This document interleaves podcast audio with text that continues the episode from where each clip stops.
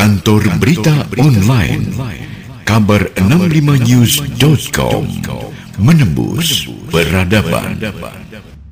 Salam jumpa sahabat bersama kami di kantor berita online kabar65news.com edisi kabar hari ini. Dalam kunjungan kerjanya ke Kecamatan Manis Mata, Rabu 8 September 2021, Sekretaris Daerah Kabupaten Ketapang, Kalimantan Barat, Alexander Wilio S. STP MSI menyempatkan dirinya belusukan ke titik-titik ruas jalan Pelang, Tumbang Titi yang rusak berat.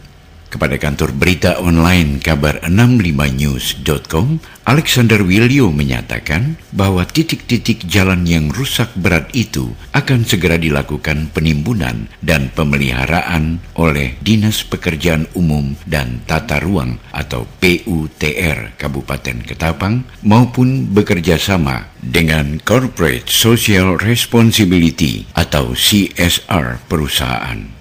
Belusukan yang dilakukan Sekda Ketapang Alexander Wilio itu dilakukannya dalam perjalanan ke Kecamatan Air Upas Manis Mata bersama Kepala Dinas Pekerjaan Umum dan Tata Ruang PUTR Kabupaten Ketapang, Kepala Bidang Bina Marga Dinas PUTR, Kepala Dinas Pertanian, Peternakan, dan Perkebunan Kabupaten Ketapang, Kepala Dinas Komunikasi dan Informatika Kabupaten Ketapang, Kepala Dinas Pemerintahan Desa, Kepala Satuan Polisi Pamung Praja, dan bagian protokol komunikasi pimpinan Sekretariat Daerah Kabupaten Ketapang. Demikian kabar hari ini.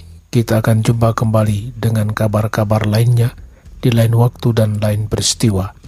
Apabila Anda ingin mendapatkan kabar-kabar terkini, jangan lupa klik situs kami kabar65news.com.